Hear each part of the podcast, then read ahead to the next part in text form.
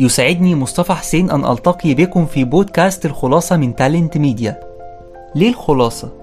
أقول لك أنا ليه؟ لأن ببساطة هنتكلم ونحكي عن كل حاجة ونعرف أصلها. قصص اتعلقنا بيها من صغرنا بس عمرنا ما اتأكدنا من صحتها. هنتعرف على حقيقتها مع بعض وقصص كتير متداولة منها إشاعة ومنها الحقيقة. هنسلط عليها الضوء ونعرف مع بعض أصل الحكاية.